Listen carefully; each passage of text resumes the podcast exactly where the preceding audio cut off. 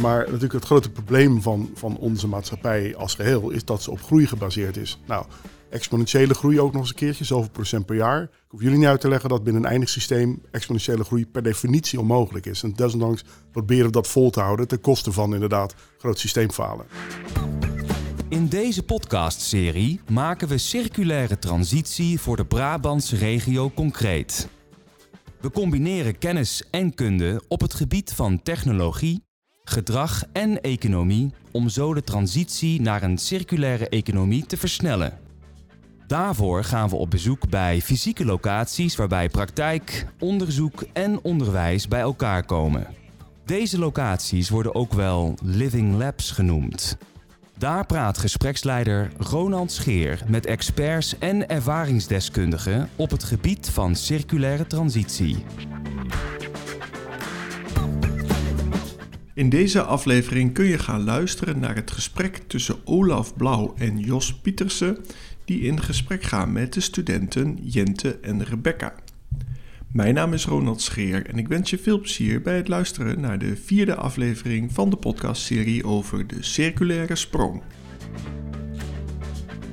Welkom allemaal hier op de boerderij van Brainport Smart District. Uh, we zijn met uh, vieren, dus het lijkt me handig om eerst even een voorstelrondje te doen. Jente, wil jij je eerst even introduceren? Ja, natuurlijk. Ik, uh, ik ben Jente, ik ben 20 jaar en ik ben student, wonende en studerende in Eindhoven. ik studeer toegepaste psychologie. En op dit moment nou ja, loop ik stage vanuit Living Labs bij BSD, dus Brainport Smart District in Helmond. Oké, okay, dankjewel. Uh, Rebecca? Ja, ik ben dus Rebecca. Ik studeer ook toegepaste psychologie. Ik doe mijn afstuderen hier. En uh, vorig schooljaar heb ik bijvoorbeeld stage gedaan bij BSD. Dankjewel. Uh, Olaf? Ja, ik ben Olaf Blauw. Ik studeerde ooit in Leiden, biologie, maar ben op miraculeuze wijze uiteindelijk in de verduurzaamheid, verduurzaming en in de bouw terechtgekomen. En ik ben programmamanager voor de stichting BSD voor de programmalijnen uh, energietransitie en circulariteit. Oké, okay, mooi. Ja, ik ben zelf uh, Jos Pietersen, werkzaam bij Fontes, uh, bij het Centrum of Expertise Circulariteit en Duurzaamheid. En ehm, Olaf, misschien voor jou, kun jij toelichten waar we nou op dit moment zijn eigenlijk? Ja, op dit moment staan we op een, op een plek waar, waar eigenlijk alleen nog maar in onze hoofden iets bestaat. De eerste tekenen van bebouwing zijn zichtbaar. Er zijn tijdelijke woningen gerealiseerd op BSD. Maar het is feitelijk een voorgenomen woonwijk. een ontwikkeling. Maar die ontwikkeling die willen we doen binnen de planetaire grenzen. Dus wat het simpelweg betekent is dat de Earth Overshoot Day niet op 17 april valt hier in BSD, maar op 31 december. En hoe doen we dat? Door een, een hele serie zeg maar, belangrijke thema's te benoemen in programma's. Uh, dat zijn er acht in totaal. En dat, eh, dat, dat gaat vanuit heel technisch. Van hoe maak je dingen? Hoe bouw je een smart grid? Hoe los je deelmobiliteit op? Tot gedrag, inderdaad psychologie. hoe voelen mensen zich goed? wat is een gezonde wijk? Wat is een veilige wijk? Nou, de truc natuurlijk is bij dat soort diverse thema's om tot een geïntegreerd ontwerp te komen. En ik denk dat dat in één woord eigenlijk opsomt, of twee woorden in dit verband, wat BSD is. Het is een geïntegreerde gebiedsontwikkeling. Oké, ja, dat uh, klinkt als een behoorlijk uitdagend project. Dat loopt ook langere tijd natuurlijk. Um, ja, ik werk zelf bij Fontes en wij zijn inderdaad ehm, nou, een tijd geleden, twee jaar geleden volgens mij, vanuit Fontes in contact gekomen met Brainport Smart District. Omdat studenten van ons natuurlijk ehm, ja, diverse achtergrond hebben en hele interessante onderzoeken kunnen doen en problemen kunnen oplossen eventueel of mee kunnen denken. Eh, in deze hele ontwikkeling. Uh, dus het is misschien ook wel aardig om dan even naar Rebecca of Jente te gaan, uh, omdat er living labs opgezet zijn in de afgelopen tijd in samenwerking met Brainport Smart District. Kun je daar wat meer over vertellen, Rebecca? Wat, wat gebeurt er in zo'n living lab?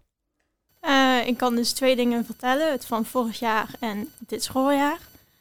vorig jaar hadden we bijvoorbeeld een groep met studenten vanuit rechten, vanuit Avans uh, en twee van vastgoed en makelaardij. Ik was de enige van toegepaste psychologie in het groepje. Uh, daar ging het enerzijds bijvoorbeeld over het stukje met de tijdelijke woningen.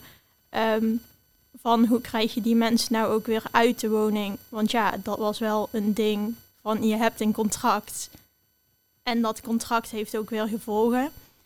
Um, En anderzijds lag er een beetje het vraagstuk van oké, hoe kan co-housing uh, vorm krijgen in BSD? Dus dat is bijvoorbeeld ook een onderzoek wat um, uitgevoerd is door studenten. Uh, dit jaar zit het bijvoorbeeld meer op deelmobiliteit, daar kan Jente meer over vertellen. Um, en ik ga weer een beetje verder kijken van oké, hoe zit het nou met dat co-housing en hoe kun je nou kijken naar community? Ja, interessant. Het is misschien wel leuk, eh, Olaf, voor jou, want inmiddels staan er een aantal van die tijdelijke woningen. En daar zitten ook bewoners in. Dus wat hebben die studenten daar misschien nou aan bijgedragen en hoe is dat juridisch opgelost? Nou, de juridische oplossing uh, is, is, is eigenlijk niet eens zo interessant. Veel interessanter is de sociale oplossing.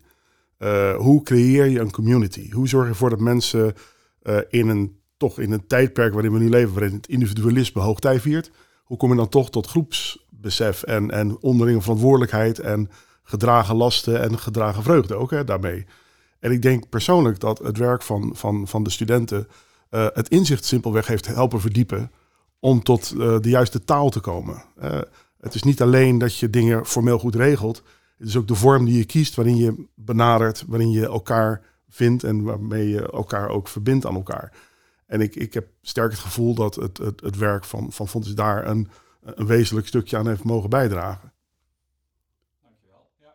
Dankjewel.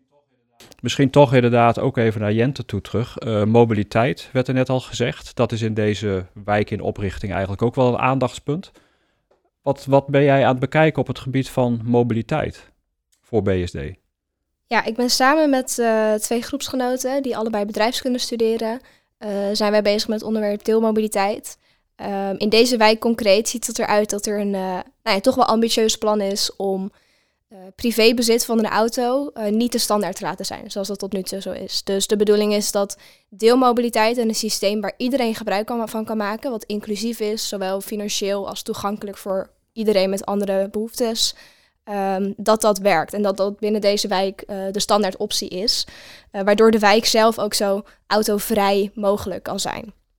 Nou, ik zelf uh, studeer toegepaste psychologie en momenteel draag ik hier aan bij door um, nou ja, kwalitatief onderzoek te doen naar um, eigenlijk hoe kijkt algemeen Nederland naar deelmobiliteit en, en wat zijn vooral de grootste, de grootste uitdagingen waar we tegenaan lopen bij het nou ja, bij het um, integreren van deelmobiliteit in niet alleen een, een klein stukje van een bedrijf of, of een, uh, uh, een specifieke ja, individuele woning, maar ook juist in een, in een volledige wijk. En, en hoe zorgen we ervoor dat dit sociaal kan worden opgepakt? Dus dat het voor iedereen met hele andere behoeftes um, ja, aansluit op alle behoeftes van al die mensen.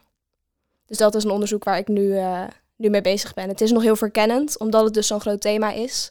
En vanuit bedrijfskunde en psychologie zijn we dit aan het, uh, aan het verkennen. Ja, interessant. Mobiliteit. Uh, ja, Olaf, ik, ik weet dat Brainport Smart District uh, lang geleden begonnen is met een soort met quality boeken. Daar stonden eigenlijk min of meer de eisen in, zeg maar, waaraan deze wijk moest voldoen. Uh, daar zat ook een heel stuk in over die mobiliteit. Um, zijn daar in de tussenliggende tijd ook veranderingen opgetreden, voor zover je weet? Omdat dat, dat is best wel een, een issue natuurlijk. Ja. Die, iedereen wil eigenlijk zijn eigen auto natuurlijk op de oprit hebben. Ja, in zoverre dat de, uh, de ambitie is niet echt bijgesteld. We, we houden daarin wel voet bij stuk. En die ambitie uitzicht bijvoorbeeld in een enorm laag uh, parkeersaldo. Hè. De norm ligt op 0,2. Dat betekent één auto per vijf huishoudens. En uh, dat kan alleen maar op het moment dat je een volwaardig systeem als alternatief aanbiedt. Kijk, heel simpelweg komt het erop neer dat als je in Nederland een auto bezit, dan staat het ding 95% van de tijd stil. En dan kun je snel denken, mooi, dat is fijn, want dan kan ik dus 20 mensen met één auto hè, hun volledige mobiliteitsbehoefte laten invullen. De waarheid is natuurlijk dat de meeste mensen rond bepaalde tijdstippen die mobiliteit tot de beschikking willen hebben.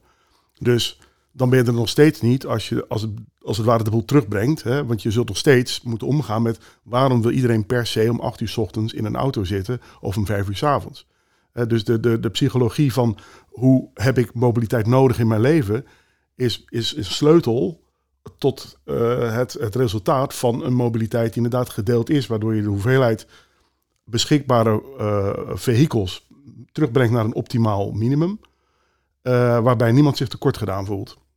Maar dat is, een, dat, is, dat is een veel complexer verhaal dan alleen maar denken van gut, met minder auto's eh, en die delen we, dan komen we er wel. Het is een, eh, het is een heel complex vraagstuk. Ja, het is inderdaad complex. Ik merk dat zelf ook. Wij doen vanuit het uh, Center of Expertise, Circulariteit en Duurzaamheid ook best wel veel onderzoek. En we zien inderdaad dat zeg maar, die gedragsverandering, die sociale component, die is eigenlijk veel belangrijker om, om een andere mindset bij mensen te krijgen ten aanzien van dit soort dingen. Dus ik, ik heb zelf ook een auto. Ik weet ook dat die heel veel stilstaat. Ik, ik ben hier op de fiets en ik heb die auto eigenlijk niet nodig. Maar ik vind het heel prettig als hij er toch staat. Dus ook in mijn hoofd is dat nog niet allemaal, uh, zeg maar, helemaal omgeturnd. Uh, de, de toekomstige bewoners van BSD, want daar hebben jullie contact mee. Dat er is een soort met bewonersraad. Er zijn al mensen die hier wonen. Mm -hmm. Uh, hoe, hoe, kijken die daar tegenaan? Tegen niet alleen mobiliteit, hè, maar allerlei andere dingen ja. die ook nou, in deze wijk spelen. Dat is wel een goede vraag. Kijk, de eerste tranche inwoners, ik zeg dat liever dan bewoners, want dan denk ik ga ik een instituut ergens waar mensen uh, worden verzorgd. Uh, maar de eerste inwoners zijn heel duidelijk mensen die wel vanuit een ideologische achtergrond hier willen wonen. Die willen die toekomst bouwen. Maar de wijk moet natuurlijk een wijk voor iedereen zijn. En dat betekent dus dat je niet alleen maar van intrinsiek gemotiveerde mensen afhankelijk kunt zijn om het concept te laten slagen. En ik denk dat dat ook wel een mooie brug maakt naar wat bijvoorbeeld bij deelmobiliteit een, een, een de facto oplossing zou mogen zijn. Want wat zie je? We schetsen net het probleem, hè, dat er dus uh, uh, altijd toch weer meer auto's nodig lijken te zijn dan dat je zou willen. Totdat, bij wijze van spreken, je BSD niet ziet als een geïsoleerd systeem waarbinnen die deelmobiliteit moet zijn opgelost. Maar dat je BSD ziet in de context van een wijdere wereld waarin andere deelmobiliteitsaanbieders ook een rol hebben. Waardoor als jij vanuit BSD naar Alkmaar wil rijden met jouw gedeelde mobiliteit, dat er in Alkmaar op een gegeven moment iemand daarmee naar Schiphol gaat, terwijl jouw terugvervoer je weer naar Helmond brengt, uh, zonder dat iemand anders daar last van heeft. Dus het, het werkt feitelijk alleen als je de schaal zo groot maakt dat BSD een geïntegreerd geheel wordt van een landelijk of misschien zelfs Europees of wie weet mondiaal systeem dat is natuurlijk een nog veel grotere uitdaging. Want als koploper zit je eerst tegen het gebrek aan die systemische inbedding aan te hikken. dus om die fase te overleven zijn slimme oplossingen nodig. Die uh, ook niet altijd optimaal zijn en misschien ook het Q-boek niet halen. In eerste instantie. Hè? Maar de, de, de, de lange termijn blik is natuurlijk dat ook al scoor je vanuit die Q-boek ambities net een voldoende bij de start van, uh, van, van de onderneming dat je op termijn de mogelijkheden in blijft bouwen om toekomstig aanpasbaar wel die hoge norm te halen. Ja, ja, ja. Nee, logisch. Je ziet dat ook in uh, de transitiekunde, zeg maar. Uh, waarbij je eigenlijk dit soort experimenten moet doen. En die, die lopen eigenlijk constant tegen de bestaande werkelijkheid aan. Hè. Er zitten gewoon bepaalde structuren in ons systeem, die houden dat in stand. Die willen dat ook graag in stand houden. En jullie zijn eigenlijk als innovatieve ja, BSD is toch de, een hele in, innovatief project, wat ook uh, door de gemeente Helmond ondersteund wordt natuurlijk. Uh, aan het aanboksen tegen die bestaande uh, systemen eigenlijk. Uh, ja, en misschien toch even ook naar Rebecca toe weer. Want wat ik wel interessant vind, is dat dit is best wel heel complex en, en ook wel abstract. die huizen worden nou langzaam gebouwd en die wijk die ontwikkelt zich. Wat, wat doen jullie als student nu precies in die Living Labs? Wat, wat gebeurt daar? dan kan ik ook weer zeggen vanuit twee perspectieven. Van vorig jaar uh, zijn we met bijvoorbeeld Heemco Housing in gesprek gegaan.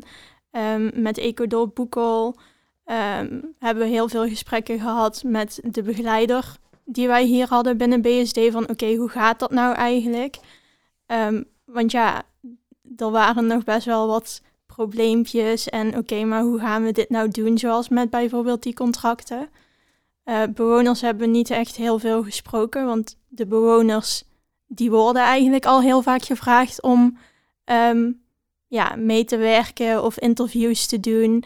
Um, dus er werd ook wel gezegd van oké, daar moet je misschien mee oppassen, dat kan wel. Um, maar ja, let daar gewoon een beetje op. dus dat perspectief hebben we misschien niet altijd gekregen. Wat wel heel veel kan zeggen, zeker omdat ze bijvoorbeeld bij die tijdelijke woningen bezig zijn met die community. En dat is wel iets uh, waar nu die praktijkstukken en waar lopen ze tegenaan, dat is wel heel um, relevant om in kaart te brengen. En daar kunnen wij als uh, toegepaste psychologie-studenten ook weer um, concrete dingen mee doen. Mag, mag ik vragen wat jullie belangrijkste praktijklessen zijn geweest tot nu toe? Uh, het is gewoon uh, vanuit mijn eigen ervaring um, dit zijn van die projecten die wij vanuit school bijvoorbeeld niet zo snel meemaken eigenlijk. Want je hebt eigenlijk altijd casussen en die zijn vaak minder complex dan dit. Ehm, en weet je, dit is ook iets wat een beetje hoort bij wereldburger zijn. Wij maken nu als studenten mee hoe dit proces eigenlijk werkt, waar wij normaal eigenlijk helemaal niet over nadenken. Want ehm, ja, ga je naar Eindhoven kijken en zoek je een huurwoning of zo, dan hoort dit er helemaal niet bij. En ik denk dat ik voor ons allebei wel kan spreken dat het communitygevoel en het samenwonen en hoe doe je dit nou en ook ehm, kijken van oké, weet je, hoe het nu in de wereld loopt is niet duurzaam, is niet oké eigenlijk ook. Ehm, om ook te kijken van ja, maar wat kunnen wij doen? Want wij hebben dadelijk ook een woning nodig en wij voeden dadelijk ook de uh, volgende generatie op. Um, maar wij zitten ook zelf in het systeem wat er nu is. En dat is niet echt een heel fijn systeem.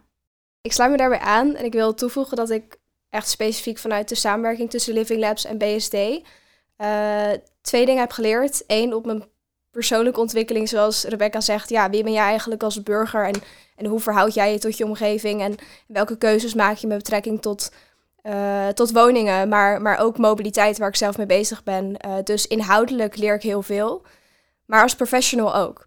Want um, nou ja, BSD is een stichting en uh, die werkt in samenwerking met gemeente Helmond. En beide partijen um, nou ja, hebben hier zo'n doel en hebben hier zo'n idee en huren ook verschillende externe partijen in. Wat zorgt voor een heel groot web van betrokkenen. En een van de grootste leerpunten die ik heb gehad hier is hoe bevind je je als student en als professional en als iemand die ook iets wil leveren en wil bieden en impact wil maken, uh, hoe begeef je je in dat netwerk? En, en wie heb je nodig en hoe, hoe neem je contact op met deze mensen? En ook waar, um, waar moet je zijn om, om de, juiste, de juiste impact te hebben? En ik denk dat dat inhoudelijk voor mij een heel interessante zoektocht is geweest in deze samenwerking. En wat Living Labs ook heel erg heeft gefaciliteerd. Um, omdat ze ook kunnen helpen in dit, in dit netwerk. En waardoor je ook ziet, oké, waar, waar kunnen wij als student worden ingezet? En waar kunnen wij zelf leren? En tegelijkertijd ook van toegevoegde waarde zijn. Want het is zonde dat ons onderzoek uh, op de hoogste plank zou, zou verdwijnen en, en nooit, meer, uh, nooit meer uit de kast zou komen. Um, ja, dus ik denk dat dat twee dingen zijn die ik inhoudelijk en, en professioneel heel erg aan het leren ben hier zo binnen BSD. Ja, ik vind het wel gaaf dat jullie allebei zeg maar, je eigen weg naar wijsheid beschrijven. Uh, maar ik ben ook toch wel benieuwd naar uh, zeg maar de, de uitdaging die de inwoners hier zelf hebben. Uh, welke inzichten jullie daar, vers ernaar kijkend vanuit een veel frisser perspectief dan mensen die gepokt en door ervaring al misschien te lang door een, door een, door een bepaalde bril zijn gaan staren. hoe is jullie blik op die, op die community? Wat is daar wat jullie betreft de, de kritische succesfactor, zeg maar? Wat hebben jullie daaruit kunnen halen wat ook dat proces bij wijze van spreken daardoor beter maakt? Um, een term die hier veel gebruikt wordt is uh, life-changing event. En dat gaat over, je maakt een aantal dingen mee in je leven, uh, wat een soort keerpunten zijn. Wat momenten zijn waarop je grote keuzes maakt en deze grote keuzes zijn makkelijker te maken omdat er al zoveel verandert in je leven. Een voorbeeld daarvan is een verhuizing. En uh, ik denk dat wat je hier zo specifiek binnen BSD ziet, is je ziet de eerste groep mensen die er nu eens ingetrokken zijn, over het algemeen intrinsiek gemotiveerd. Maar zoals je al eerder benoemde, Olof, um, er komen hier ook mensen te wonen die hier gewoon willen wonen. Want er is een woningkrapte en we willen allemaal een mooie woning hebben. Um, maar zij staan ook op een keerpunt van, van intrekken op een nieuwe plek, een nieuw bestaan beginnen, een nieuwe fase aangaan. En ik denk dat dat keerpunt heel interessant is om nieuwe manieren van gedrag aan te leren en om, om nieuwe manieren van leven eigenlijk in te steken. Bijvoorbeeld het stukje deelmobiliteit heel concreet. Zie ik dat ik zie een heel erg grote mogelijkheid hier zo voor, voor bewoners om dingen echt anders te doen. Omdat je niet in je eentje een keuze maakt om je auto weg te doen, maar omdat je met z'n allen een systeem gaat toepassen waar iedereen gebruik van kan maken. Um, wat dus ook in één keer geïntegreerd wordt op het moment dat jij niet al vastzit in jouw systeem. En ik denk dat vastzitten in je systemen is best wel een grote hindernis voor verandering. En ik denk dat dit een heel mooie mogelijkheid is voor, voor bewoners om om dingen anders aan te pakken en om die mogelijkheid aan te grijpen. Heel mooi. Ik denk dat die, die inzichten die je nu zo beschrijft, als ik het dan naar Fontes kijkt, zeg maar, en naar hoe wij eh, normaal gesproken vaak opleidingen inrichten en dingen vormgeven, uh, is zo'n Living Lab opzet is, is niet alleen maar dat het om kennis gaat die jij je eigen maakt, maar eigenlijk uh, ontwikkelen jullie je veel meer als persoon en denk je na over dit soort dingen.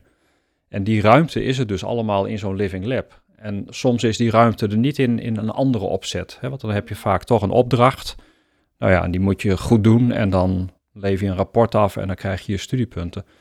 Dus ja, dat is wel mooi om dat te horen zo. Uh. Ja, ik zie ook een hele sterke parallel. Uh, kijk, het, het leertraject van een student, hè, jullie dan specifiek, maar in zijn algemeenheid een student, is natuurlijk ook zo'n life-changing event. Hè? Dat je dus van, van potentieel capabel uh, groeien naar capabel in ieder geval met een startkwalificatie voor best lastige problemen om die aan te gaan. En uh, een, pro project als BSD is natuurlijk op zichzelf ook een breuk met wat we dan traditioneel bouwen noemen. En traditioneel ontwikkelen en traditioneel inrichten. Dus er zit een soort van parallellen dat zoals wij als, als wijk, zeg maar, hè, of als idee proberen die stap te maken naar volwassenheid. Uh, in intellectuele zin doen jullie dat tegelijkertijd.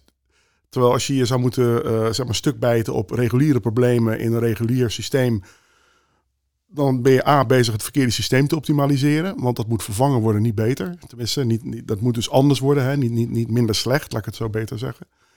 En uh, dat, dat, dat geldt dus voor, voor deze ontwikkeling ook. Dus ik vind het wel grappig om die twee dingen feitelijk samen op te zien gaan. Dan is denk ik ook de verbinding die je voelt als student uh, wat hechter.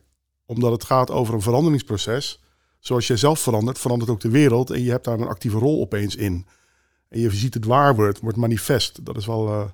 Uh, ik vind dat ook om als buitenstaander en soms ook als begeleider van dit soort projecten. Vind ik dat heel motiverend en heel uh, gaaf om te zien. Interessant. Ik, ik ben ook nog wel benieuwd, maar dat is een beetje, nou ja, gewoon ook naar de toekomst kijkend. Hè, want wij willen eigenlijk een soort moment continu door laten lopen. Dat er steeds studenten met opdrachten verder gaan. Hè. Dus jullie werk is misschien na een half jaar in zo'n living lab niet af. Maar dat hoeft ook niet af te zijn. Daar kan een groep weer mee verder gaan. Uh, wat, wat zou jullie boodschap nou zijn naar andere studenten toe? Specifiek over onze onderzoeken? Of? Nee, gewoon in het algemeen om in zo'n living lab mee te gaan doen. Hier misschien bij BSD, maar we hebben ook nog een aantal andere. Maar het, het, het idee erachter. Uh, hoe, hoe zou je studenten in het komende semester weer over de streep trekken? Living Lab is een, uh, een plaats waar, waar groei centraal staat. En ontwikkeling is, is altijd bezig. Er is, is niet een moment waarop je zegt: Dit is het, ik kom hier binnen in een bedrijf en daar loop ik een halfjaartje mee. En over een half jaar heeft het nog precies hetzelfde gewerkt. Dus op het moment dat ik binnenstroom, ongeveer tien weken geleden, liepen dingen nog anders dan dat ze nu lopen. Uh, dat vraagt een stukje flexibiliteit en een stukje ondernemendheid, ook binnen een organisatie uh, als Living Lab, maar nou, dat is niet een organisatie, een facilitator eigenlijk, maar ook binnen een organisatie als BSD.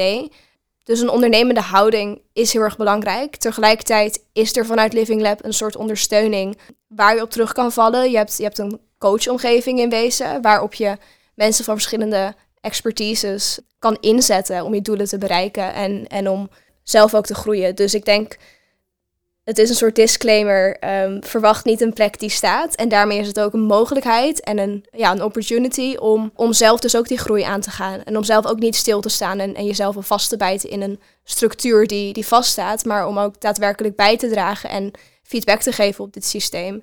En ik denk dat dat juist heel erg de kracht is van de Living Lab. Dat iedereen die betrokken is, groeit. En dat we dat samen doen. Dat was een lang antwoord. Wil jij nog wat zeggen, Rebecca?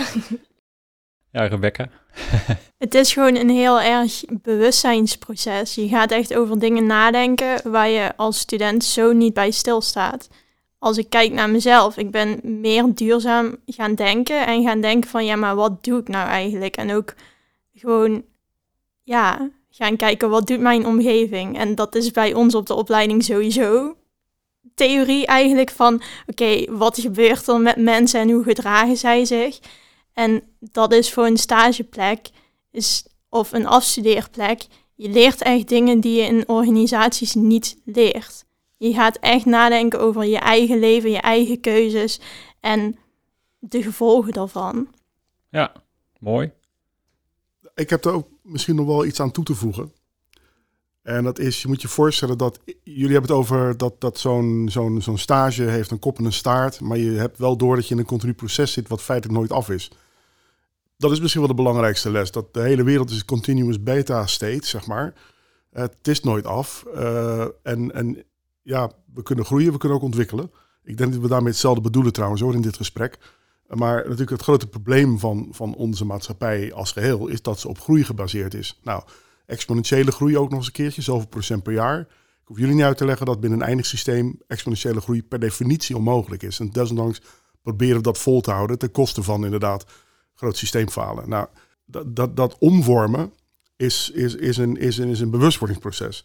En de grote take-home message die ik ook van jullie krijg, is van dat jullie je eigen rol onderzoeken in zo'n proces. En los van hoe je dat in je opleiding ervaart, de skills die je daarmee uh, jezelf eigen maakt, et cetera, heeft het ook een weerslag op hoe je jezelf ziet in de wereld, in het systeem. En wat dat betekent voor wat, wat ga ik dan de komende jaren doen met die kennis en die skills. En ik denk dat het, het, het begrip dat we inderdaad dingen niet meer moeten doen, maar beter. Hè, dus dat je niet groeit, maar ontwikkelt. Uh, dat kon nog wel eens een keertje een sleutel zijn. Hè, dat je uh, niet minder slecht wordt, uh, maar meer goed. en want dat is wat de wereld nodig heeft. En volgens mij zijn Living Labs de pijnpunten. Die leggen bloot waarom dingen nu nog niet gaan. Soms omdat het niet kan, of soms omdat het niet gebracht kan worden naar een schaal die nodig is om de hele wereld daarmee beter te krijgen. En ik denk dat die, die pijnpunten zien, en dus het realisme wat je toevoegt aan je eigen uh, vooropgestelde ideeën. Van nou, ik ga die verduurzaming aan. Ik ga wel eventjes al die windmolenparken en al die zonneweiden ga ik volleggen, et cetera. En dan erachter komen dat je ja, gewoon niet genoeg neodymium of indium of andere uh, kritieke materialen hebt... om dat daadwerkelijk voor de hele wereldbevolking voor elkaar te boksen. Dan ga je nadenken, ga ik nou de bezem nemen die we hebben in de wereld... en dus veeg ik daarmee onze straat schoon? Ja, dan is die straat schoon, maar de stad niet. En zo geldt het natuurlijk voor veel van de dingen die jullie nu zien is je ziet met name niet alleen wat er allemaal gaaf is, maar je ziet ook wat gewoon niet kan of wat niet lukt. Of waar zeg maar, de menselijke natuur hè, succes in de weg staat. En ik denk dat die lessen, uh, die zijn vele malen krachtiger nog dan puur uh, theory of change en hoe dat zich verhoudt tot een, uh, tot, tot een systeemwijziging of al die academische analyse die we daarop los mogen laten. Maar die, juist die, hè, hoe de dingen waar we het niet over hebben, wat jij ook heel duidelijk zegt Rebecca, waar ik van tevoren als student niet over nadacht, die zijn er opeens. Hoe gaaf is dat? En al, al heel vroeg, ik moest wachten tot ik een jaar of 40, 45 was voordat ik een keer dat soort problemen tegenkwam. En je hebt het voorrecht dat je het rond je twintigste hebt. Dus weet je wel, pak die 20 jaar voorsprong. Want wij als, als zeg maar huidige generatie doeners en denkers hebben jullie niet de tijd gegeven om de veranderingen te maken die noodzakelijk zijn. Als dat zou betekenen dat jullie ook 40, 50, 60 zouden moeten worden voordat je een keer op een positie zit waar dat gaat gelden dus die voorsprong is denk ik wel heel wezenlijk. Want het is niet vijf voor twaalf in dit verhaal. Het is tien over half vier ochtends. En uh, ja, dat, dat vergt gewoon heel andere en veel meer rigoureuze uh, tijdspaden ook waarin we uh, dingen gaan. Op het risico dat ik misschien nu te lang aan het woord ben, maar we hadden vorige week natuurlijk het nieuwsrapport van, het, van de IPCC, hè, dus het klimaatpanel van de, van de Verenigde Naties. En er staat gewoon heel duidelijk in, jongens, we zijn klaar met waarschuwen. We hebben al 40 jaar gewaarschuwd, al 50 jaar gewaarschuwd, niemand luistert. Ofwel, we gaan radicaal dingen anders doen. Of die systeemcrisis waar we nu vol in zitten, die volledig loopt die door. En die zorgt ervoor dat we uiteindelijk gewoon geen systeem meer hebben. En het, feitelijk dat toestaan is een immoreel standpunt. En ik denk dat bij een opleiding, uh, moraliteit, hè, van waarom doe ik de dingen die ik doe en uh, vanuit welk perspectief, weet je, en hoe bepaal ik dan wat goed of slecht of, of goed voor ons of goed voor anderen of goed voor de wereld is. Weet je, dat al die elementen gewoon al in een heel vroeg stadium uh, uh, kunnen worden beetgepakt. Want dan kan ook die radicale verandering, die echt noodzakelijk is, die kan er ook vorm krijgen. En uh, ik bedoel, ja, mensen zoals ik kunnen alleen maar zeggen: Oké, okay, wij hebben nu geïnventariseerd wat we allemaal fout hebben gedaan. volgens, volgens ons zou het best wel een keertje goed kunnen gaan als we dit, dat, zo en zo aanpakken. Maar dan is het wel inderdaad aan, aan anderen die daar langer tijd voor hebben dan, dan, dan mensen zoals ik. Uh, om dat ook op te pikken en, vanaf een zo vroeg mogelijk stadium op de juiste manier aan te pakken. Nou, ik, misschien I wax philosophically, maar voor mij is het wel de kern van waar we hier met dat Living Lab proberen aanzet toe te geven. Ja, dat is inderdaad kenmerkend voor alle living labs waar wij in zitten. Want we zitten ook bij voedselverspilling, we zitten ook bij textiel, dat we daar anders naar gaan kijken. Dus die verduurzaamheid, dat, dat zit in al die living labs. En wat ik ook wel tussen jou uh, door hoor zeggen is van het onderwijs zelf is natuurlijk, moet eigenlijk ook zichzelf blijven ontwikkelen en blijven leren. En uh, misschien dat er soms wel eens bepaalde dingen aangeboden worden. Die, dat vind ik wel persoonlijk van. Uh, die, die zijn eigenlijk al wat achterhaald. Dat past niet meer bij de, de, complexiteit waar we nu voor staan met z'n allen. Dus we zouden ook daar eigenlijk vooruit moeten lopen. Dat betekent dus ook dat docenten, coaches, begeleiders ook constant zichzelf moeten blijven ontwikkelen en bij moeten blijven en eigenlijk voor de troep uit moeten lopen. Maar gelet op de tijd, want uh, we hebben toch nog een paar afsluitende vragen. Um, en uh, eentje is bijvoorbeeld welke nou, andere podcast zou je nou graag willen beluisteren um, die ook met dit onderwerp te maken heeft? Nou, het heeft wat raakvlakken, maar ik wil er wel eentje noemen. Um, we hebben het natuurlijk hier zo over een andere manier van wonen, een andere manier van van je leven invullen en mogelijkheden zien in de problemen die er zijn eigenlijk. En een van de dingen die mij heel erg inspireert is de, de tiny house beweging. Allemaal hartstikke hip en trendy, maar ik denk daadwerkelijk wel heel relevant. Uh, ook omdat het niet alleen maar gaat om tijdelijk een mooi woonplekje, maar het gaat ook heel erg over sociale systemen in stand brengen en communities opbouwen, net als hier bij BSD. Uh, podcast die daar heel erg leuk is om in te luisteren en meer over te weten, is uh, de podcast, de grote Tiny House Community podcast. Dus zeker een aanrader. Oké, leuk, dankjewel. Ja, Olaf, uh, ik zie jou wel als een uh, man met veel kennis en boeken. Dus uh, heb jij een, een, tip voor een heel goed boek? ja, eigenlijk wel. hij is al een tijdje in relatie, kan ik vertellen. Het is boek 93, dus dat is al een tijdje geleden dat het uitkwam. Het is van de, de late great Carl Sagan, de bekende ja, wetenschapspopularisator, maar ook bekende wetenschapper uit de VS. Het heet Shadows of Forgotten Ancestors. En wat het eigenlijk blootlegt, is dat we uh, als mensen gedragen we ons. Hè, we maken dus fouten en we bereiken successen. En we denken heel vaak dat dat uniek te maken heeft met onze unieke menselijke zijn. Hè, dat wij ons op de een of andere manier uh, alleen kunnen verhouden tot, ons, tot elkaar door middel van hogere psychologie. Terwijl wat je ziet, en dat wordt vrij mooi uitgelegd in het boek, dat zeg, de meest vroege overlevingsstrategieën en de meest vroege uh, zeg maar, manieren, coping, voorplanting, conflictbeheersing, et cetera, die in die hele lange lijst van voorouders die vanaf letterlijk een paar macromoleculen naar ons en dit gesprek hebben geleid. Om, om, om zeg maar, je kunt heel goed vastleggen van wat heeft nou wanneer gezorgd voor eigenschappen die wij nu als typisch menselijk hebben aangenomen, terwijl die een veel diepere oorsprong hebben.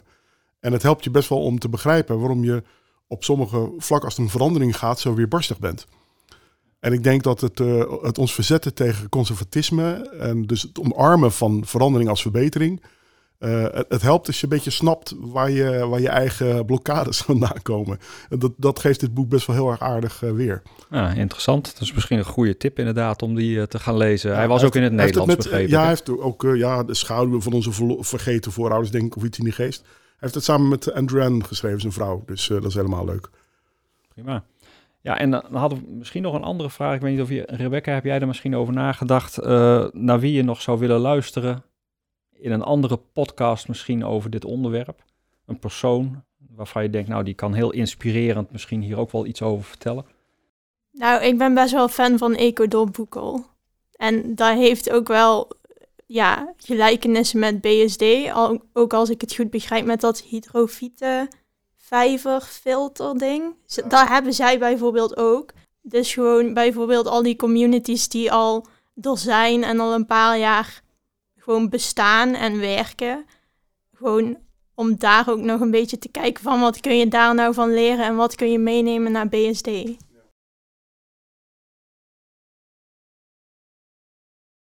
Nou, misschien een rondje maken, de allerlaatste, en dan uh, stoppen we ook met de podcast, denk ik. Um, een eerste reactie. Hoe vond je het gesprek, Olaf? Ja, ik vond het uh, eerlijk gezegd uh, ontzettend leuk. Want weet je wel, de, de, processen die je bij elkaar hoopt te zien, die worden uitgesproken. En dat is dus blijkbaar doen we met z'n allen iets goed. in, binnen de ontwikkeling die we met al die kennispartijen proberen hier vorm te geven. En ja, ook een vorm van dankbaarheid dat we dus een podium mogen bieden voor jonge scherpe geesten om, om hun, eigen, ja, hun eigen ontwikkeling daarmee door te maken, maar daarmee ook de onze te helpen. Ja, weet je, dit is ook weer een ervaring. Als student kun je ook niet echt zeggen van, oh, we hebben een podcast gemaakt. dus dat is ook al een ding. Gewoon de ervaring aan zich. En gewoon het gesprek zo met elkaar. Ja. Ja, daaraan toevoegend, ik, uh, ik vind het heel erg leuk om inderdaad de link te leggen tussen de, de ontwikkeling inderdaad, zoals je zegt, uh, nou, die, die in Living Labs continu aan de gang is, maar ook binnen BSD en de parallellen die daarin zitten. En ik vind het, uh, ik vind het leuk dat het gesprek daar de nadruk op heeft gelegd. Ja. Nee, dat geldt voor mij ook. Echt een, een, hele leuke setting. En in mijn idee hebben we gewoon samen door dit gesprek te hebben weer allemaal nieuwe inzichten en dingen geleerd. Ja, absoluut. Dus het, het hebben van de goede gesprekken is misschien wel het belangrijkste. Ja, communicatie, jongens. Dankjewel. En daarmee zijn we aan het einde gekomen van de vierde aflevering van de podcastserie over de circulaire sprong. Vergeet niet om je te abonneren, want binnenkort staat er weer een nieuwe aflevering voor je klaar. Graag tot dan. Deze podcastserie is geproduceerd door Ronald Scheer in opdracht van Fontes Hogeschool. Wil jij ook een bijdrage leveren aan deze serie? Stuur dan een e-mail naar r.scheer.fontes.nl.